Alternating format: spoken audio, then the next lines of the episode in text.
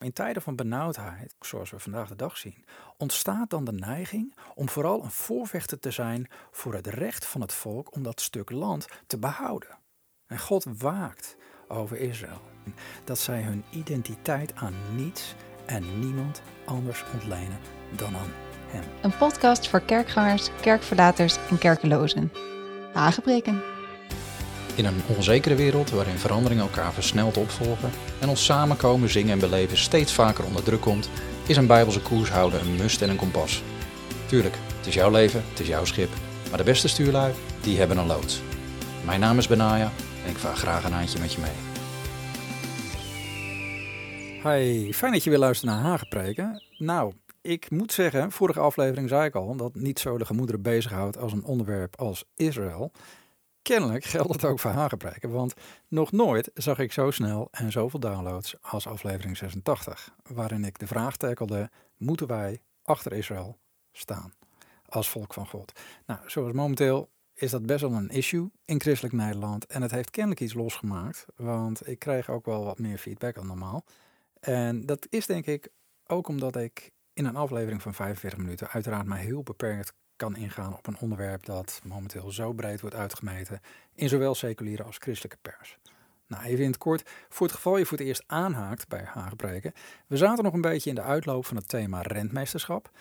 Toen op 7 oktober de wereld tilt ging, naar aanleiding van een brute marteltocht van Hamas-strijders, eh, waarbij volgens de laatste cijfers zelfs meer dan 1700 mensen werden vermoord, 222 mensen gekidnapt en ongeveer 4000 mensen gewond raakten. En dan tellen we niet eens mee de 1400 mensen die nadien gewond raakten. Met als gevolg dat Israël Operation Iron Sword lanceerde om niet alleen de gijzelaars te bevrijden, maar ook om zich voor eens en altijd van Hamas te ontdoen. Dit had alleen als effect dat ze gaandeweg de woede van de hele wereld op hun nek haalden, omdat ook daar weer een heleboel burgerslachtoffers bijvielen.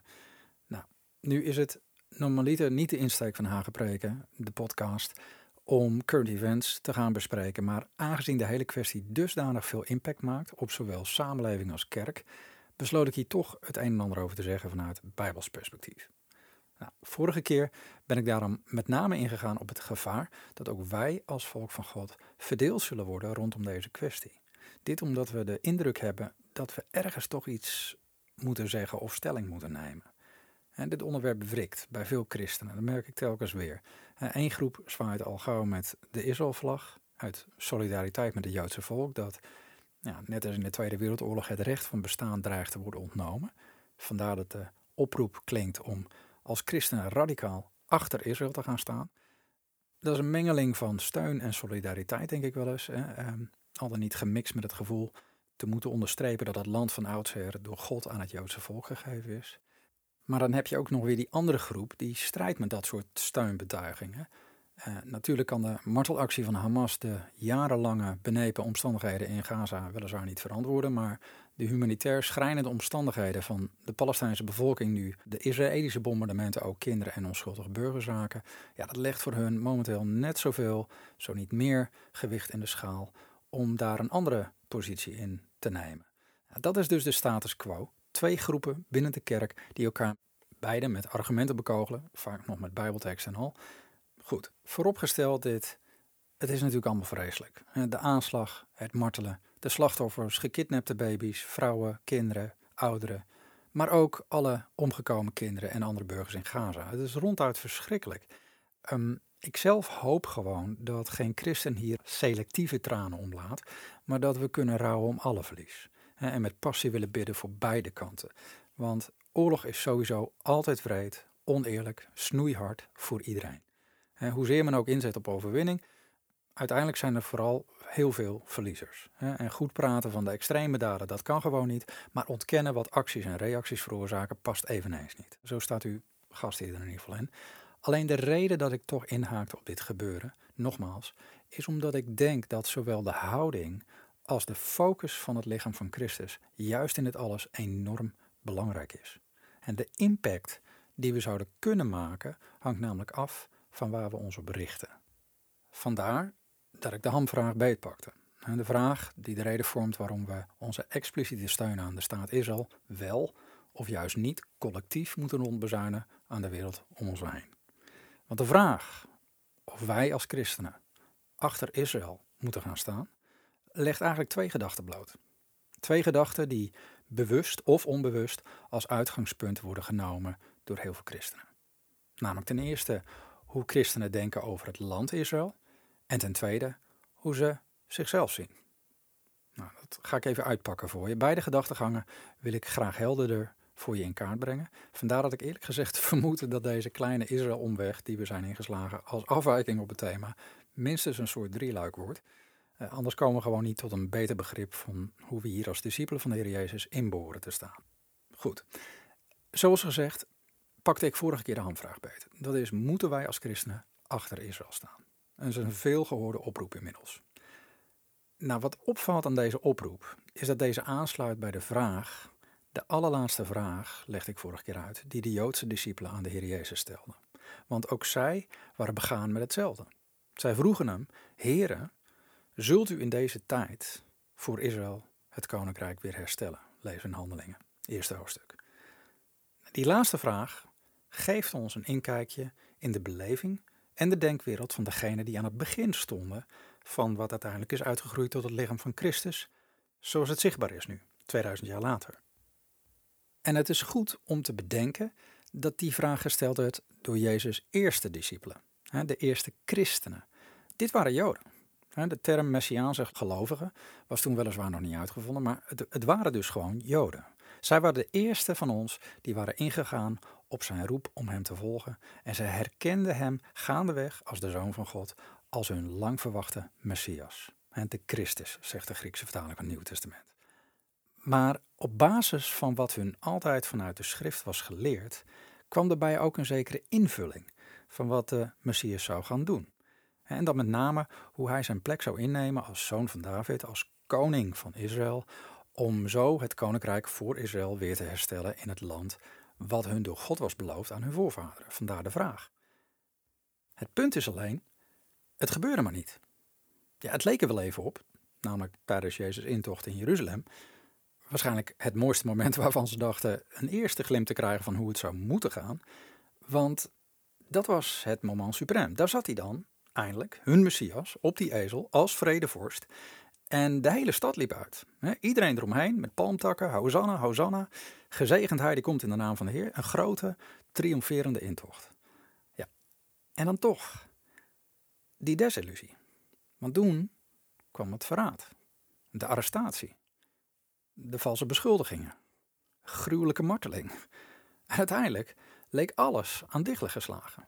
Al hun dromen, de plannen die ze hadden bedacht van wie mocht waar zitten als hij de troon zou bestijgen. Hè? Ehm, hun verwachtingen voor de toekomst. Weg. En even leek dat een totaal fiasco. Ja, en Satan, die zorgde er wel voor dat met dat Messiaanse koningschap uitvoerig de spot werd gedreven. Um, hardhandig werd de Heer Jezus voor paal gezet, letterlijk.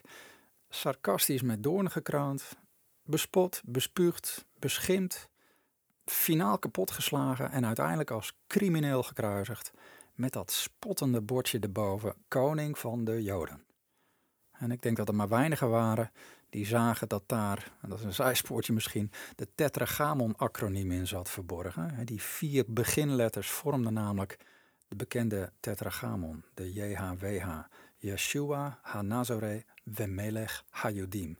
Het was JHWH, Yahweh, God zelf, die werd gekruisigd. Eigenlijk heel bijzonder. Maar goed, dat is een zijspoor.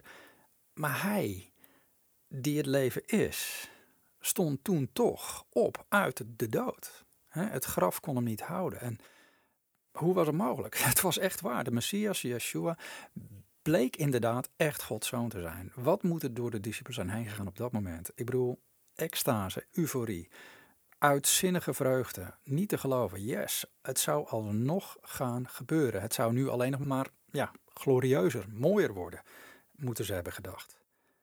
Maar dan dit, hè? handelingen 1, hij vertrekt. Hè? Ja, geen wonder dat ze de vraag stelde, Heer, zult u dan nu, in deze tijd, voor Israël het koninkrijk weer herstellen? En dan komt het antwoord van de Heer Jezus. Ik heb het daar vorige keer over gehad. Een antwoord dat cruciaal is voor ons als het aankomt op hoe wij in de hele Israël-kwestie gaan staan. En de Heer Jezus verlegde namelijk doelbewust de focus van zijn volgelingen. Van het herstel van het koninkrijk voor Israël naar een andere missie. En dit is heel belangrijk en ik hoop dat je er even bij blijft in deze aflevering, want de meeste christenen die Israël als volk en Israël als natie liefhebben, zijn zich vaak niet bewust van het volgende.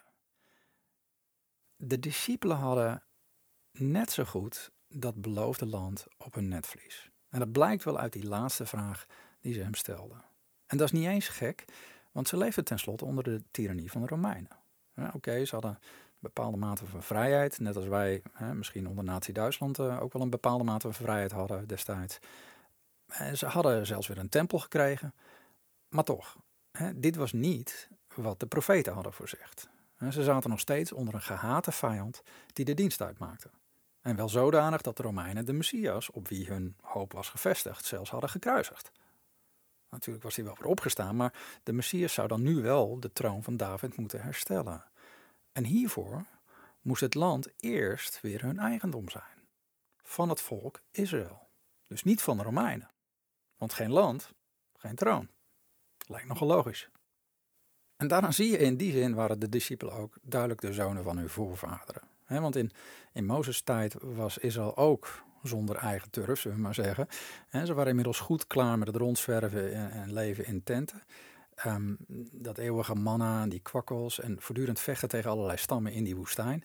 En zij waren ook toe aan hun eigen land nou eens een keer. ze konden zich maar met moeite onderwerpen aan wat de heren door dit alles in hun probeerde te bewerken, namelijk een relatie met hemzelf, zoals Mozes wel had. Maar vanwege Mozes Gods vrees en gehoorzaamheid mocht hij met de schepper van aangezicht tot aangezicht spreken. Het volk was nog niet zo ver. Sterker nog, ze hadden niet eens het verlangen. Ze zeiden tegen Mozes: Spreek jij met, met ons? Dan zullen wij luisteren, maar laat God niet met ons spreken, anders sterven we. Exodus 20, vers 19. Israël had dus niet per se die ambitie. En ze pakte Mozes uitleg ook niet helemaal dat God hen op de proef stelde, zodat de vrees voor hem hun voor ogen zou staan, zodat ze niet tegen de Heer zouden zondigen. Dat lees je in het vers daarna. En die verklaring vuurde niet het verlangen aan om God nu ja, dichterbij te hebben. Ze wilden vooral verandering. Ze hadden genoeg van hun barre omstandigheden. Eh, ze waren met gemak waarschijnlijk ook gewoon het beloofde land binnengehobbeld zonder God. En op een gegeven moment lag dat aanbod er zelfs. misschien ken je het verhaal. Er kwam een punt dat God zo fed up was met het volk Israël, zo zat van hun voortdurende eigenzinnigheid en rebellie, dat hij zei tegen Mozes: Ga maar. Jij en het volk dat je uit Egypte hebt geleid. Is bijna of God er afstand van neemt. Hij noemt het niet eens meer zijn volk, zoals hij deed naar de farao, maar hij zegt: Ga maar, Mozes. Jij en dat volk wat jij uit Egypte hebt geleid. Wauw. Ga maar naar het land waarvan ik Abraham, Isaac en Jacob gezworen heb. Aan jouw nageslacht zal ik het geven. Ik zal een engel voor jullie uitzenden naar een land dat overvloeit van melk en honing, maar ik zal zelf niet in jullie midden meetrekken, omdat jullie een halstarrig volk zijn en ik jullie anders onderweg zou vernietigen. Wauw, nou dan heb je het wel heel erg bond gemaakt. Maar kijk eens wat Mozes' reactie was. Mozes zei, lees in Exodus 33, vers 15. Als uw aangezicht niet meegaat, laat ons dan van hier niet verder trekken. Want hoe moet het anders bekend worden dat ik genade gevonden heb in uw ogen? Ik en uw volk. Is het niet daardoor, waardoor, door die genade, dat u met ons meegaat? Want daardoor, waardoor? Vanwege de genade en doordat u met ons meegaat, daardoor zullen wij, ik en uw volk, afgezonderd zijn van alle volken die er op de aardbodem zijn. Oftewel, Mozes zei: Wat hebben wij aan dit beloofde land als wij u, God, niet langer van aangezicht tot aangezicht kunnen zien? Als uw aangezicht niet meegaat, als God zelf niet met ons is. Nou, dit is cruciaal, het aangezicht van God. En dat God in ons midden woont. Vandaar die bekende zegenbeden uit nummer 6, waarvan God zei dat Aaron en zijn zonen de Israëlieten daarmee moesten zegenen.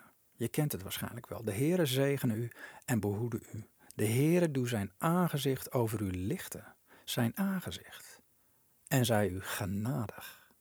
De Heere verheffen zijn aangezicht over u en geven u vrede. Nummer 6 lees je dat.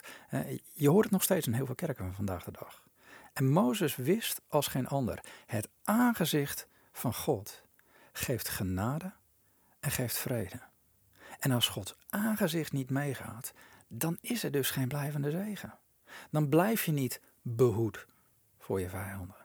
Dan ontbreekt de genade en ontbreekt de vrede die nodig is om te leven in zo'n beloofde land. Maar net als de discipelen had Israël het belang hiervan destijds ook niet door. Zij gingen nog steeds voor het beloofde land. Zij vroegen zich af: Heere, gaat u dan voor Israël het koninkrijk weer herstellen? Het punt is dit. Veel christenen die voor Israël zijn, geloven dat Israël als volk gelijk staat aan Israël als land. En daarom, in tijden van benauwdheid voor het volk zoals we vandaag de dag zien, ontstaat dan de neiging om vooral een voorvechter te zijn voor het recht van het volk om dat stuk land te behouden. Maar hier is even een heads-up voor je. Israël is geen land. Ja, geografisch politiek heet de staat daar nu Israël. En ergens gelukkig ook maar, want dat herinnert de wereld eraan wat God heeft gedaan en zal gaan doen als de tijd daar is. Maar ten diepste is Israël een volk, geen land.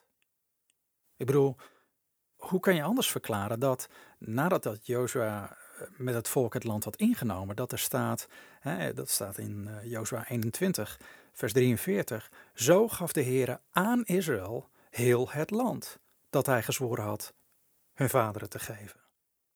En zij, dat is Israël, namen het in bezit en woonden erin.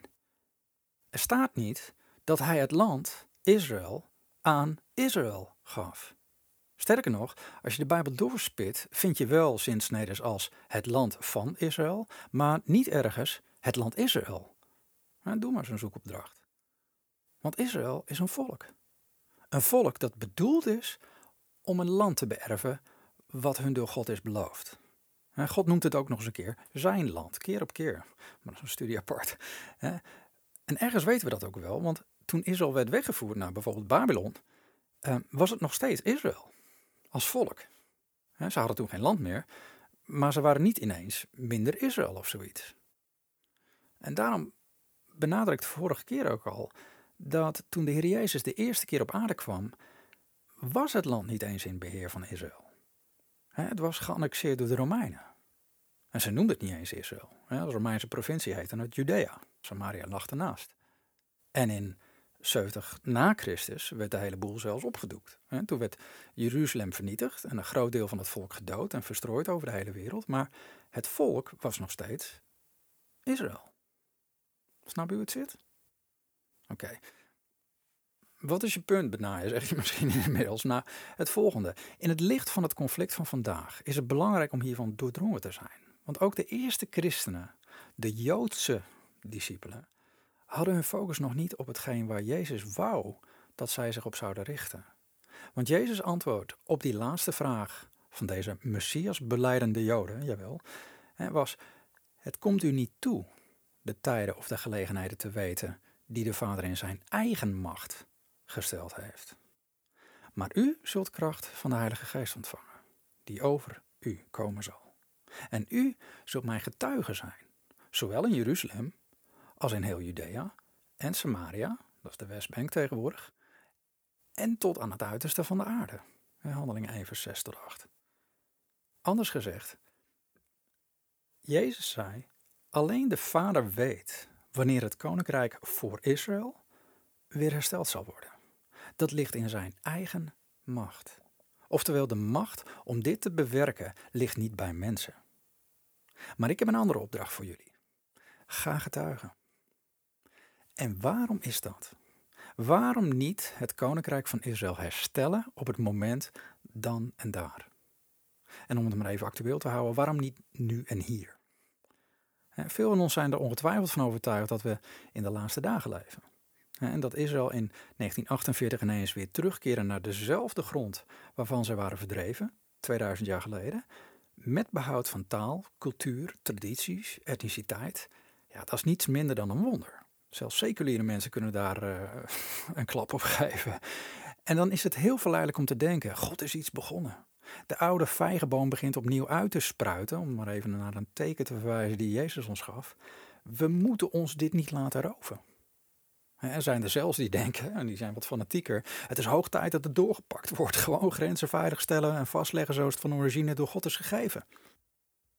Maar daarin schuilt het gevaar dat wij ons, als volk van God, mede verantwoordelijk gaan voelen voor de verovering van een land. Alleen dat zijn we niet. Dat deel ligt in de macht van de Vader, zei de Heer Jezus. En hoe zou dit bovendien matchen voor ons als christenen wereldwijd met de woorden van Paulus in Efeze? Dat we niet strijden tegen bloed en vlees. Hè? We strijden niet voor een natuurlijke zaak. Zelfs niet voor Israël. Die rol hebben we ook niet als volk van God. En ook ontbreekt het ons aan een duidelijk bevel dat een, bijvoorbeeld een Jozua en een Nehemia wel krijgen om zo'n actie dan te rechtvaardigen. Kijk, dat een natie, staat als Israël zichzelf verdedigt en zijn burgers beschermt met een leger en een politiemacht om te zorgen dat de veiligheid van iedereen wordt gewaarborgd, ja, dat is niet meer als normaal. Dat zouden we zelf in Nederland ook gerechtvaardigd vinden, maar dat is de natuurlijke factor. Daar heb ik het ook niet over. Het draait hier heel specifiek over wat de volgelingen van de Messias, de Heer Jezus, werd opgedragen. Ik bedoel, je kan wel heel hard op de chauffeur gaan blazen, maar wij zijn inwoners van een hemelskoninkrijk. Niet meer vreemdelingen en bijwoners, maar medeburgers van de heiligen en huisgenoten van God, gebouwd op het fundament van de apostelen en profeten waarvan Jezus Christus zelf de hoeksteen is, zegt Efeze 2.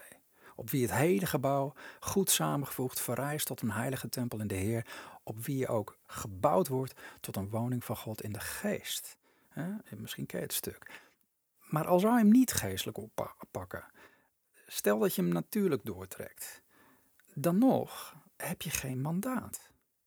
Want zelfs Jozua moest de Heer Jezus erkennen als bevelhebber van de hemelse legermacht. Hè? Dat lazen we in Jozua 5 vorige keer. En die bevelhebber heeft nu eenmaal nog steeds geen bazuin geblazen om al zijn heiligen vanuit elke windstreek te verzamelen om hem te volgen. Omdat hij zijn voet gaat zetten op dat stuk land daar. Ja, dat komt er wel aan, maar het, het is nog geen tijd. En daarom droeg de Heer Jezus ons ook op om te getuigen. Zowel de Heer zelf als zijn discipelen predikten destijds al: het koninkrijk God is nabij gekomen. En nog steeds bidden we dit allemaal, bewust of onbewust: hè, uw koninkrijk komen. Het is er nog niet. Wel in de hemel, maar nog niet hier op aarde. En dan kan je wel een hele Kingdom Now theologie tegenaan gaan gooien. En geloven dat christenen de belangrijkste invloedsgebieden in de maatschappij gaan overnemen. Hè, op een, sorry voor het woord, gammele exegese. Die berust op Seven Mountains. Alsof de terugkomst van de koning en zijn koninkrijk in de hand van mensen is gelegd. Maar Jezus was kennelijk een andere mening toegedaan. De tijden en de gelegenheden heeft de Vader in zijn eigen macht gesteld, zegt Jezus. Wij mensen nemen hierin niet het voortouw. Of slinger ik nu weer een heilige koe op de barbecue voor je? Even voor de goede orde. Wat het herstel van het koninkrijk voor Israël betreft, staan we natuurlijk allemaal inmiddels wel op scherp. Uh, Jezus' woorden met betrekking tot de vijgenboom, het typebeeld voor Israël en alle andere bomen, ja, die lijken vandaag de dag immers wel heel dichtbij te komen. dat stuk ken je misschien ook wel, waar hij zegt, uh, Lucas 21 is dat, pak het er even bij. Vers 29. Kijk naar de vijgenboom en naar alle bomen. Zodra ze uitlopen en u dat ziet, weet u uit uzelf dat de zomer al nabij is. Zo ook u. Wanneer u deze dingen zult zien geschieden, weet dan dat het koninkrijk van God nabij is. We zijn er dus bijna. Ja, echt. Begin maar vast te zingen. nee, dat is maar gekheid natuurlijk. Hoewel. Um, het punt is dit. We weten dat de natuurlijke manifestatie van Gods koninkrijk op aarde er nog niet is. Maar de voorbereiding van zijn koninkrijk gaf de Heer ons een specifieke instructie om te getuigen. Dat is de voorbereiding. En dat heeft een duidelijke reden. En dat is het laatste punt wat ik je nog wil meegeven. Want op het moment dat Israël de Heer Jezus als Messias, als koning over hun verwierp en de deur wagenwijd werd opengezet voor iedere heiden om deel te worden van Gods koninkrijk, was dit om hun tot jaloersheid te wekken, zegt Paulus hè, in Romeinen 11 vers 11.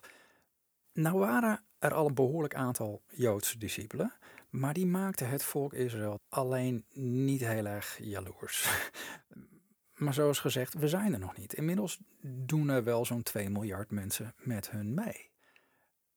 Kijk, en dan kunnen we als christenen wel heel hard willen dat Israël dat land behoudt, maar dat is niet Gods primaire focus op dit moment. En God kennende is hij wel met van alles achter de schermen bezig, maar het mandaat dat hij gaf aan zijn mensen was niet het koninkrijk vestigen of veiligstellen, het was getuigen. En dit om de eenvoudige reden dat het hem om een volk te doen is. En wat voor zin heeft een land als er geen volk is waar hij het aan kan geven?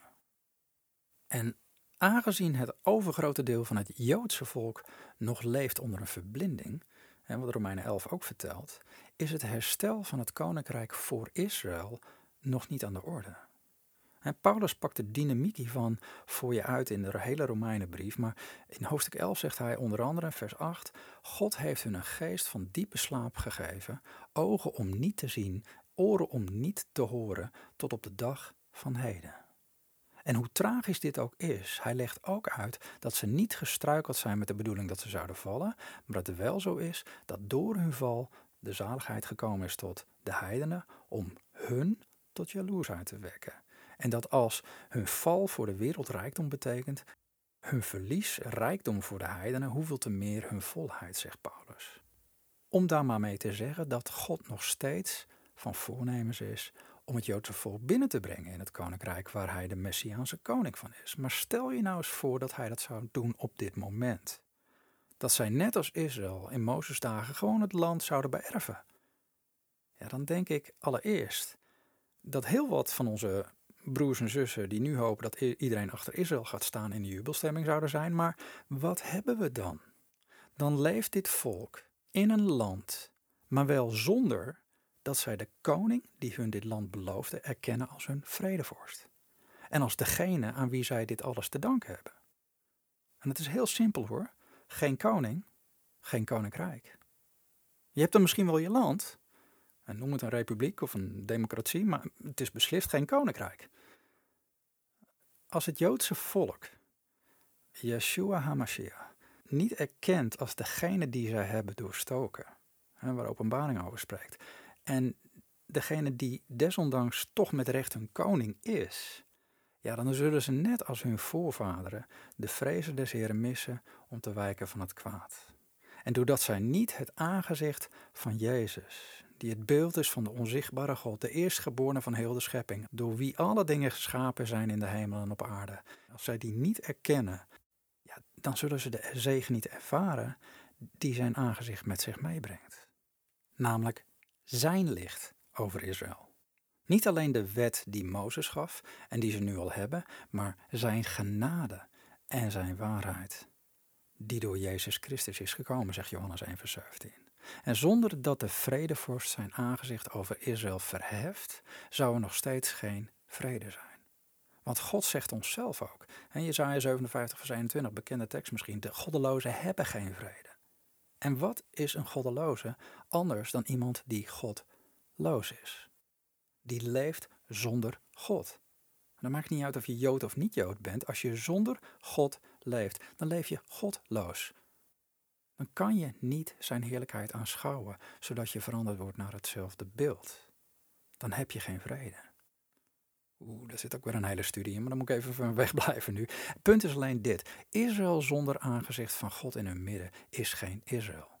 Geen vorst bij God zoals de naam Israël betekent. En God waakt over Israël. En je leest het door het hele Oude Testament heen. Dat zij hun identiteit aan niets en niemand anders ontlenen dan aan Hem. Want de genade en de aanwezigheid van God, die Mozes mocht ervaren, die vormde hem. En het gaf hem een nieuwe identiteit. Hij werd namelijk een vriend van God genoemd. Dat kenmerkte hem. En God wil zijn volk het land geven, tuurlijk. Het land wat hij heeft beloofd. Maar hij wil niet dat hun identiteit als volk ligt in een land. Hij wil dat zij hun identiteit in Hem hebben. Hun Messiaanse koning.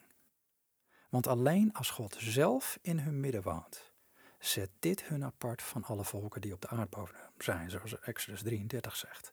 Anders is er geen verschil. Vandaar dat die bekende priestelijke zegenbede uit nummer 6 niet alleen zegt: De Heere zegen u en behoed u, de Heere doe zijn aangezicht over u lichten en zij u genadig. De Heere verheffen zijn aangezicht over u en geven u vrede. Maar het laatste vers, wat meestal gewoon natuurlijk ook wordt weggelaten, dat zegt: Zo zullen zij mijn naam op de Israëlieten leggen en ik zal hun zegenen. God wil zijn naam op Israël leggen. En wat betekent dat? Nou, wordt Israël niet vergeleken met een overspelige vrouw die haar echtgenoot ontrouw is geworden? Waarover geprofiteerd is door Hosea, die dan verwoordt hoe God over Israël zegt: Zij ging achter haar minnaars aan, maar zij vergeet mij, zegt de Heer. En daarom zie ik zelf ga haar lokken. En dan niet door een eigen land te geven, nee, door haar in de woestijn te leiden en naar haar hart te spreken. En ik zal haar daar vandaan haar wijngaarden geven en het dal van Agor tot een deur van hoop. Misschien een hele bekende tekst, ook een lied. En daar zal zij zingen als in de dagen van haar jeugd, als op de dag dat zij wegtrok uit het land Egypte. Op die dag zal het gebeuren, spreekt de Heer, dat u mij zult noemen mijn man. En mij niet meer zult noemen mijn Baal. Dan zal ik de namen van de Baals uit haar mond wegdoen en aan hun namen zal niet meer gedacht worden. Hosea 2 vers 12 tot 16. God wil tot ons hart spreken. Ook tot de harten van het Joodse volk. Want hij wil ons een nieuw hart geven, een nieuwe geest. En als wij op die manier intiem met hem worden, als volk verweven met haar koning, als bruid vervlochten met de bruidegom, dan zal dat deel van de priestelijke zegen vervuld worden. Zo zullen ze mijn naam op de Israëlieten leggen en ik zal hen zegenen, want hij wil de man worden van zijn volk. En als echtgenoot zijn naam leggen op Israël. En onze rol als christenen tot die tijd? Bidden. Bidden en getuigen totdat het Joodse volk bereid is deel te worden van Hem. Totdat zij zich niet langer schamen om Zijn naam te dragen. Gekenmerkt willen worden door Zijn naam. Hun nieuwe identiteit te vinden in Hem, Yeshua HaMashiach. Dan zullen zij samen met hem wonen in dat land. En geen mens of macht zal het van ze kunnen roven, want ze zijn één geworden met hem. Snap je hoe het werkt? Snap je waarom Jezus de prioriteit op dit moment nog ergens anders legt? Goed. Is genoeg over gezegd, denk ik. Ik laat het daar voor nu bij. Volgende keer gaan we kijken hoe wij zelf onszelf bekijken in relatie tot Israël. Heb je vragen, heb je aanvullingen of opmerkingen? Ik zou zeggen, stuur even een mailtje naar podcast.saintkenaan.com en uh, de volgende keer pakken we hem weer op. Voor nu, blijven luisteren naar Gods stem. Blijven koers houden. En mocht je zeggen van ik ben bemoedigd. Ik vind het uh, prettig dat je dit blijft doen. Je kunt me ook steunen. Kijk ook even op de website saintkennan.com. Zie je hoe je dat kan doen. Wordt erg gewaardeerd. Dankjewel.